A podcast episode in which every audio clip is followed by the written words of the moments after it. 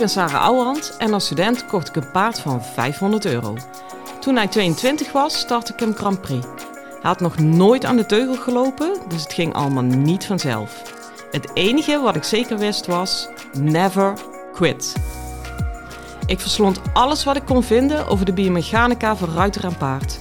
Dat testte ik net zo lang totdat ik wist wat echt werkte. In deze podcast leer ik jou alles over je rijtechniek, je houding en zit en je mindset. Want ook jij kan naar de Grand Prix gaan, zelfs als je geen miljoenenpaard hebt.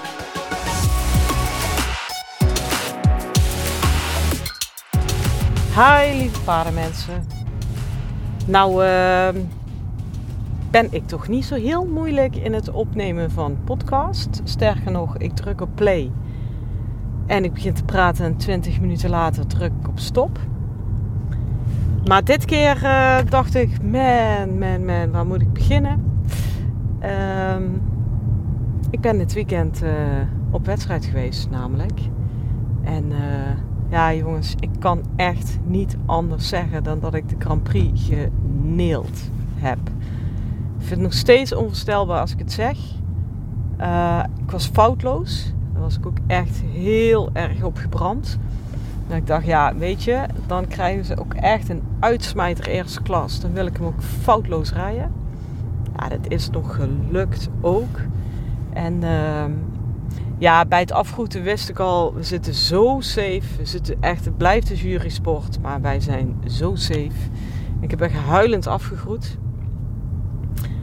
Um, ja, de punten liggen er niet om, moet ik zeggen. Ik heb 64,5 gereden.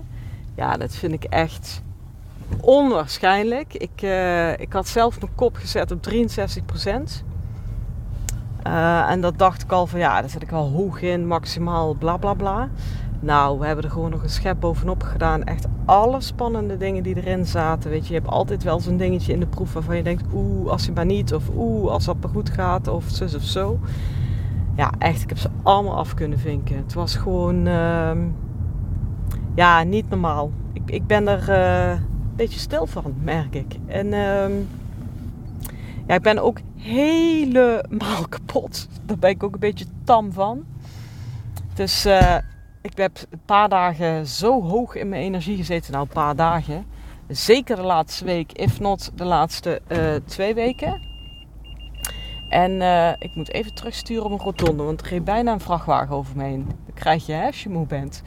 Maar uh, nou, ik heb twee weken ontzettend hoog in mijn energie gezeten. En continu in die focus. En echt ieder vrij moment dat ik had, uh, ja, ging ik van binnen maar weer die proef rijden. Dat is ook echt, nou ja, weet je, deze gaat even echt vooral heel erg over mij en mijn wedstrijd.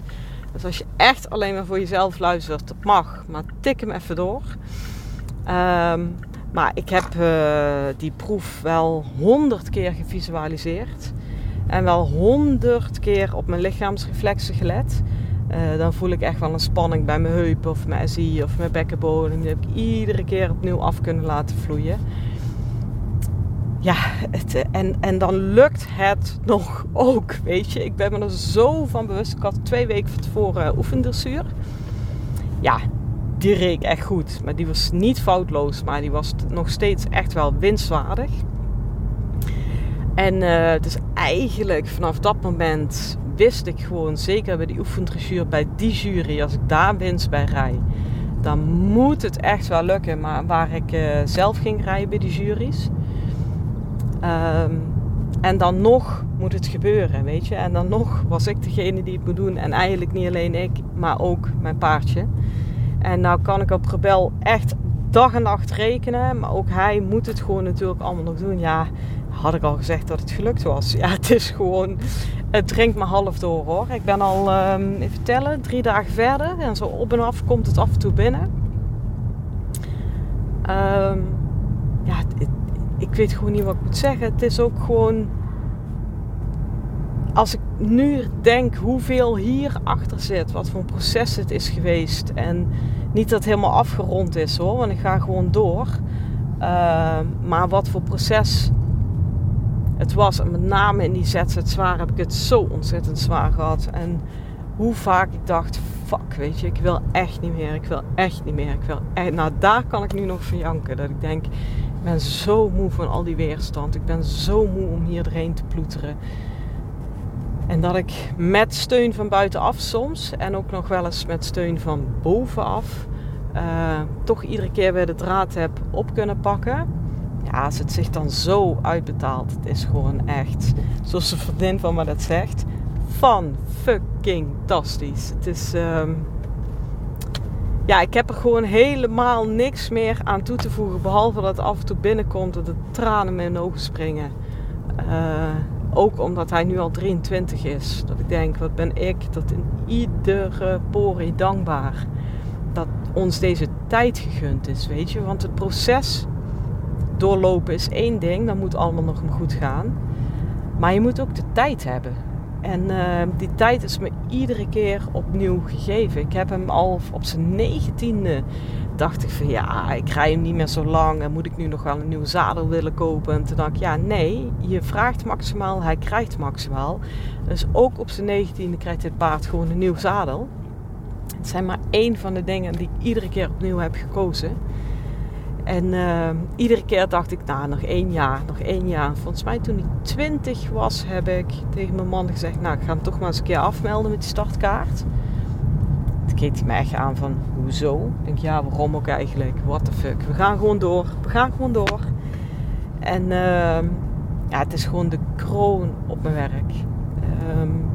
Wat ook nog het allermooiste was. En dan heb je, als je dan toch denkt van ja, hoe bereid je een proef voor? Hè? Ik ga daar dadelijk nog veel meer over vertellen. Maar ik heb hem dus onder andere honderd keer gevisualiseerd. En dan niet even denken van oh ja, AX en dan KXM. Nee, echt zitten op een stoel, ogen dicht. En iedere pas voelen. En dan wist ik ook nog, daar had ik de accommodatie voor gebeld. Aan welke kant zit de jury? Hoe ligt de ring? Zodat ik me precies die ring voor kon visualiseren met de jury aan de goede kant. En dan had ik ook nog, ja, ik weet niet, misschien zeg ik nou iets heel raars, ik weet niet of je dat kent, maar voor mijn gevoel zit de jury in de verkeerde kant. Lag die ring verkeerd om. Sommige mensen hebben dat ook en sommigen denken, mensen, waar heb je het over? Maar die jury zat rechts, uh, als je naakt stond. En ik vond dat die links moest zitten. Dus iedere keer in het visualiseren draaide mijn beeld ook om. Het zal iets met het noorden en het zuiden te maken hebben. Ja, anyway. Um, in die proef zitten twee lijntjes dat je van lange zijde naar lange zijde moet oversteken in de passage. En dan moet je op de middenlijn piaferen. Maar uh, dat, dat doe je dus terwijl de jury van de zijkant tegen je aankijkt. Nou, en na de eerste keer van dat lijntje moet je uitgestrekte stap. En na de tweede keer van dat lijntje moet je aangalopperen. Nou, dat is natuurlijk een klein verschil. Maar omdat die lijntjes op elkaar leken en de laatste twee dagen uh, voor die wedstrijd, ja, die spanning die liep echt wel hoog op. Toen merkte ik dat ik die lijntjes door elkaar ging halen. Dacht fuck, weet je wel. Dat, ja, weet je, dan word je gespannen omdat je gespannen bent. Nou, weet je, eh. Nou, ik heb dus iedere keer opnieuw ben ik teruggegaan naar die lijntjes. En iedere keer opnieuw, ja, weet je, als ik het nu zo zeg, de eerste keer is uitgestrekte stap en de tweede keer is aangalopperen. Maar ja, wat stress doet, het is echt bizar in je hoofd. Maar je denkt het echt na tien keer nog steeds niet zeker te weten. Dus dat heb ik echt gewoon tot in een treuren ben ik die lijntjes blijven rijden en het in mijn lichaam gaan bevestigen. Want die is zo ontzettend belangrijk. Hè? Je kunt het met je hoofd wel weten. Met ons hoofd weet bijna iedereen hoe je een Grand Prix proef moet rijden. Maar je lichaam moet het weten. En als dat het weet, dan kun je ook gaan vertrouwen op je automatische reflexen. Zodat ik, nou oké, ik heb nog twee dagen zitten en oefenen. Nou, tot het erin zit is gelukt. Ik ging van tevoren ook dat ik dacht, nee, nou weet ik echt, uh, dit komt gewoon hoe dan ook goed. Nou, als je het dan hebt hè, over de wet van aantrekking. Ik weet niet of jullie daar bekend mee zijn. Maar raad eens wat er nou gebeurt op het eerste lijntje passage van lange zijde naar lange zijde. En ik zit in die eerste piaf. Waarbij ik dus bang was dat ik die lijntjes niet goed zou rijden. Ja, en in die piaf, terwijl de jury op mijn zijkant kijkt, ging het belletje. Dus ik, en mijn eerste gedachte was echt: uh, stik de moord maar met je belletje, ik zit goed. Ja, als ik daar nou aan denk dat dat mijn eerste reactie was, ja, dat is goud. En dat had ik nooit gehad als ik al die mentale training niet had gedaan. Was ik er gewoon uitgebeld geweest. En had ik gewoon gedacht van ja, ja, ja, ja, weet je. En als je een piaf onderbreekt en je moet die gaan herpakken. En daarna nog de passage en nog drie kwart van je proef. Ja, dan heb je wel een ander verhaal hè. Dus anyway, even terug naar de piaf. Het belletje ging. Ik dacht eerst, stik de moord maar met je belletje. Want ik zit goed. En daarna dacht ik, ja, wat kun je allemaal denken in 12 passen piaf. Daarna dacht ik, ja, ja, ik moet wel even blijk geven dat ik het gehoord heb. Even contact maken met de jury of het allemaal oké is. Want als je echt fout hebt, komen ze ook uit de auto. En dan uh, gaan ze je even corrigeren. Dus ik heb me in de piaf half omgedraaid om even te kijken naar de juryauto. Dus, en ondertussen ben ik het ritme van die piaf aan blijven geven. Toen zag ik dat de jury netjes op zijn stoel bleef. Toen bedacht ik me ook, ja, maar dat was een belletje van de andere ring. Want er lagen drie ringen naast elkaar. Dat was gewoon een startbelletje van degene die naast mij zat. Toen dacht ik, oké, dus het is goed. Ondertussen zit ik toch steeds pieferen, hè. Toen heb ik hem weer teruggedraaid. En toen heb ik hem eh, naar voren gezet de passage in en toen ben ik doorgereden. En ik vind dat echt met stip het allermooiste moment in mijn proef. Dat staat voor mij zo voor alles wat ik heb doorleefd en overwonnen om mijn lichaamsreflexen in orde te houden. Om dus te kunnen piaferen terwijl je ondertussen even je half omdraait naar de jury. Uh, het staat voor mij alles voor mentaal gefocust kunnen blijven de, hoeveel belletjes er aan de kant ook gaan. Uh, het staat voor mij ook voor vertrouwen op mezelf. Weet je, je weet dat je goed zit, ongeacht de mening van een ander. Doe gewoon je ding en het is gewoon oké. Ja, en dat dat dan net op moment supreme en zo'n Grand Prix proef gebeurt. Ja, jongens, schout. En ik heb me toen zelfs niet laten vangen daarna om te denken: oh ja, zie, dit, dit heb ik me toen in die proef niet gerealiseerd. Ik ben gewoon doorgereden. En ik heb gewoon mijn taken verder afgehandeld. En pas later, ik was het ook bijna vergeten. En pas later dacht ik: wow, dit is echt gewoon. Volgens mij had ik maar een 6 voor die Piaf hoor. Niet, niet, geen, echt, echt geen uitschieter, maar voor mij was dat echt gewoon het beste moment van die hele proef. Ja, en het afgroeten natuurlijk. Dan, uh, weet je, als je dan afgroet, en daar moet ik bijna van huilen. Als je dan afgroet en je weet dat je alles hebt bereikt. Met een paard wat je kan bereiken, wat je ooit hebt durven dromen, maar vaak niet hebt durven dromen. En je weet gewoon, alles is voorbij. Um, ja, dan weet ik gewoon niet meer wat ik moet zeggen, weet je. En dan um, ben ik nu nog hartstikke emotioneel. Het zal wel honderd keer nog gebeuren. Um, want voor ons is het gewoon klaar. En dat betekent niet dat we stoppen. Maar er valt zo ontzettend veel druk weg. Uh, er is geen enkel doel meer dat ik kan bedenken. Ja, weet je, je kunt die score nog verbeteren. En met een PR uh, uh, personal record gaan zitten zeuren. Ja, dat gaan we gewoon echt niet doen joh, als ik een half procent hoger had gereden, had ik uh, mijn eerste kwalificatie gekregen voor een internationaal concours. Niet dat ik dat geheel vind, echt niet. Want je moet dan twee keer 65 rijden binnen een half jaar.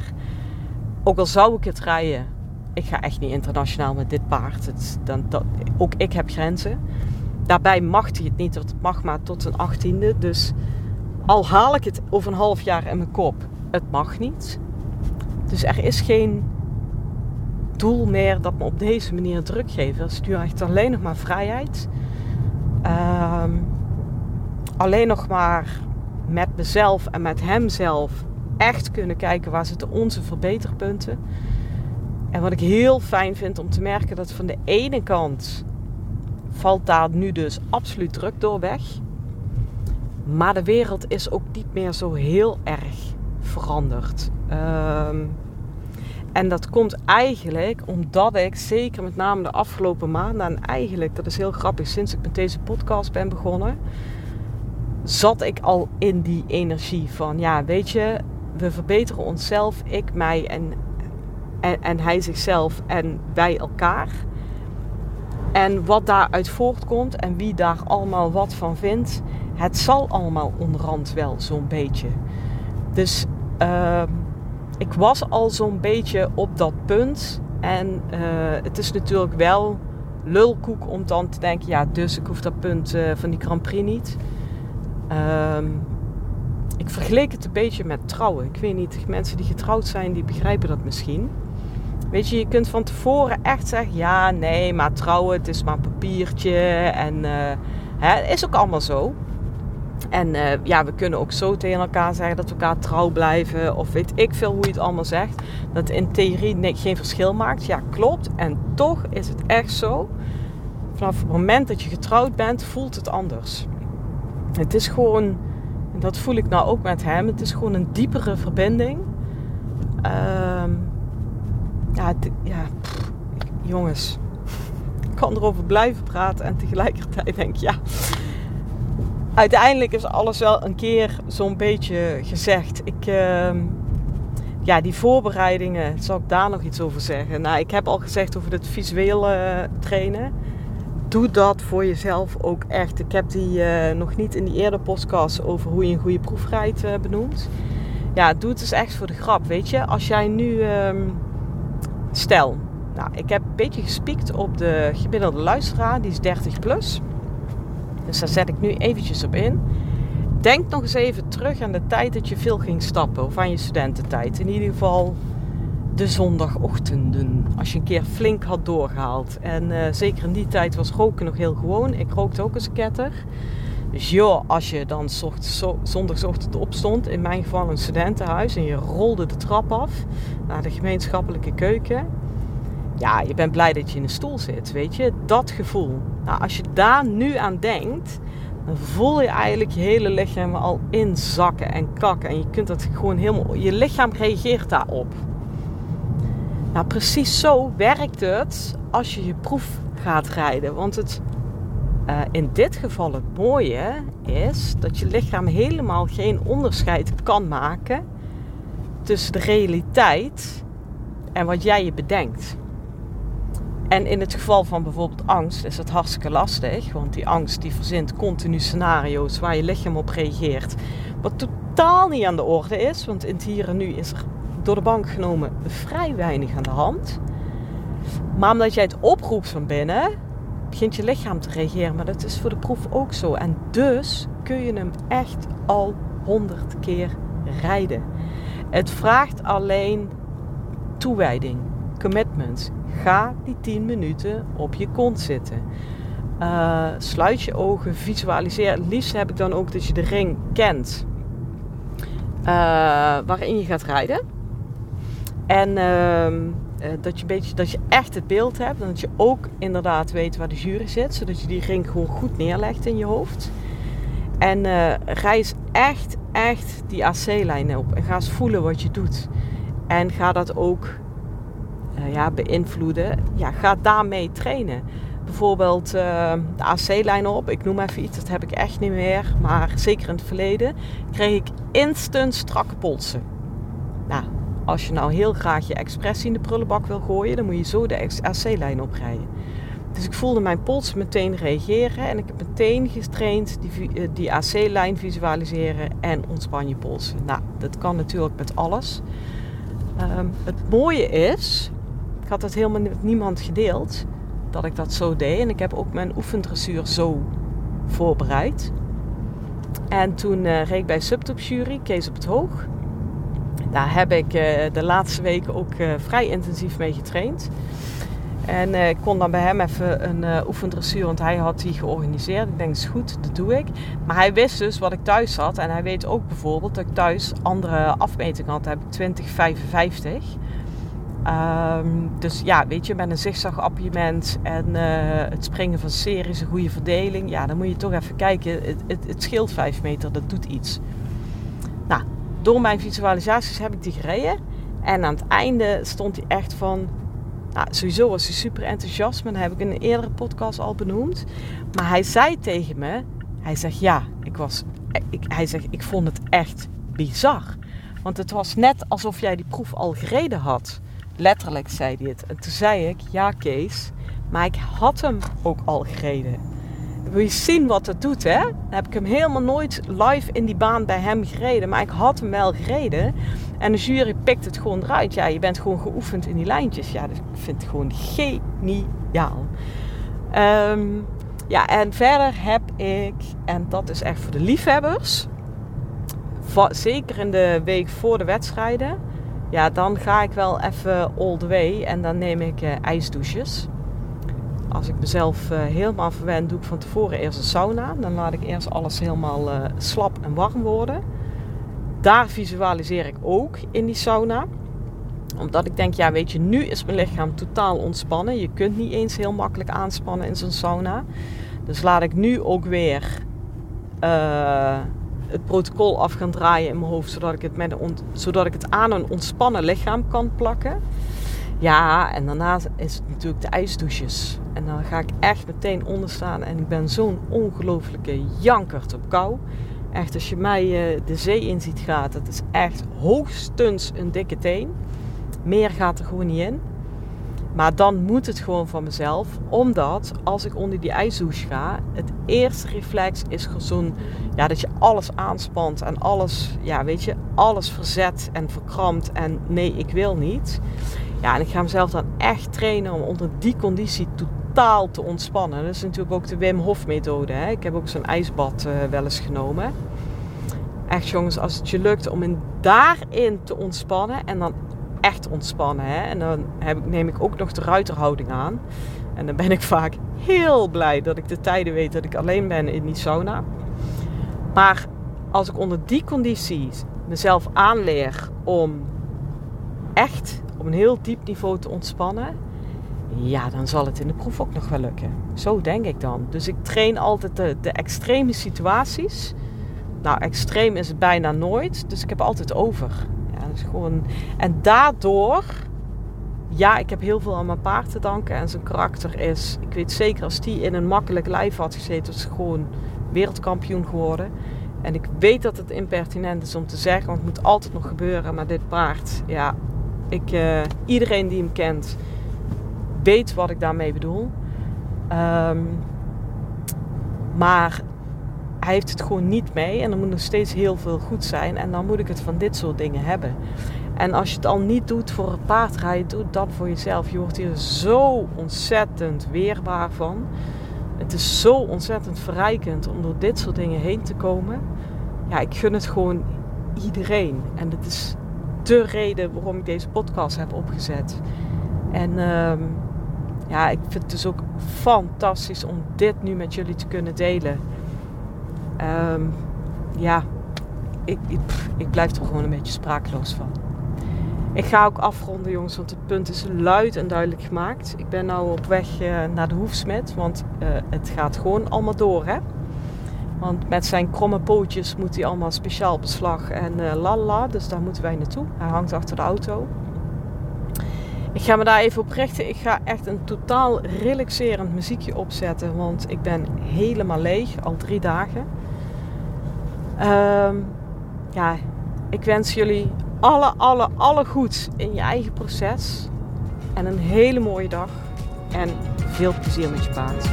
Hoi! Lieve ruiters, dit was hem weer voor vandaag. Waardeer je mijn tips? Geef me sterren op Spotify en iTunes. Dat voelt voor mij als een dankjewel. En geef je paard een knuffel van me.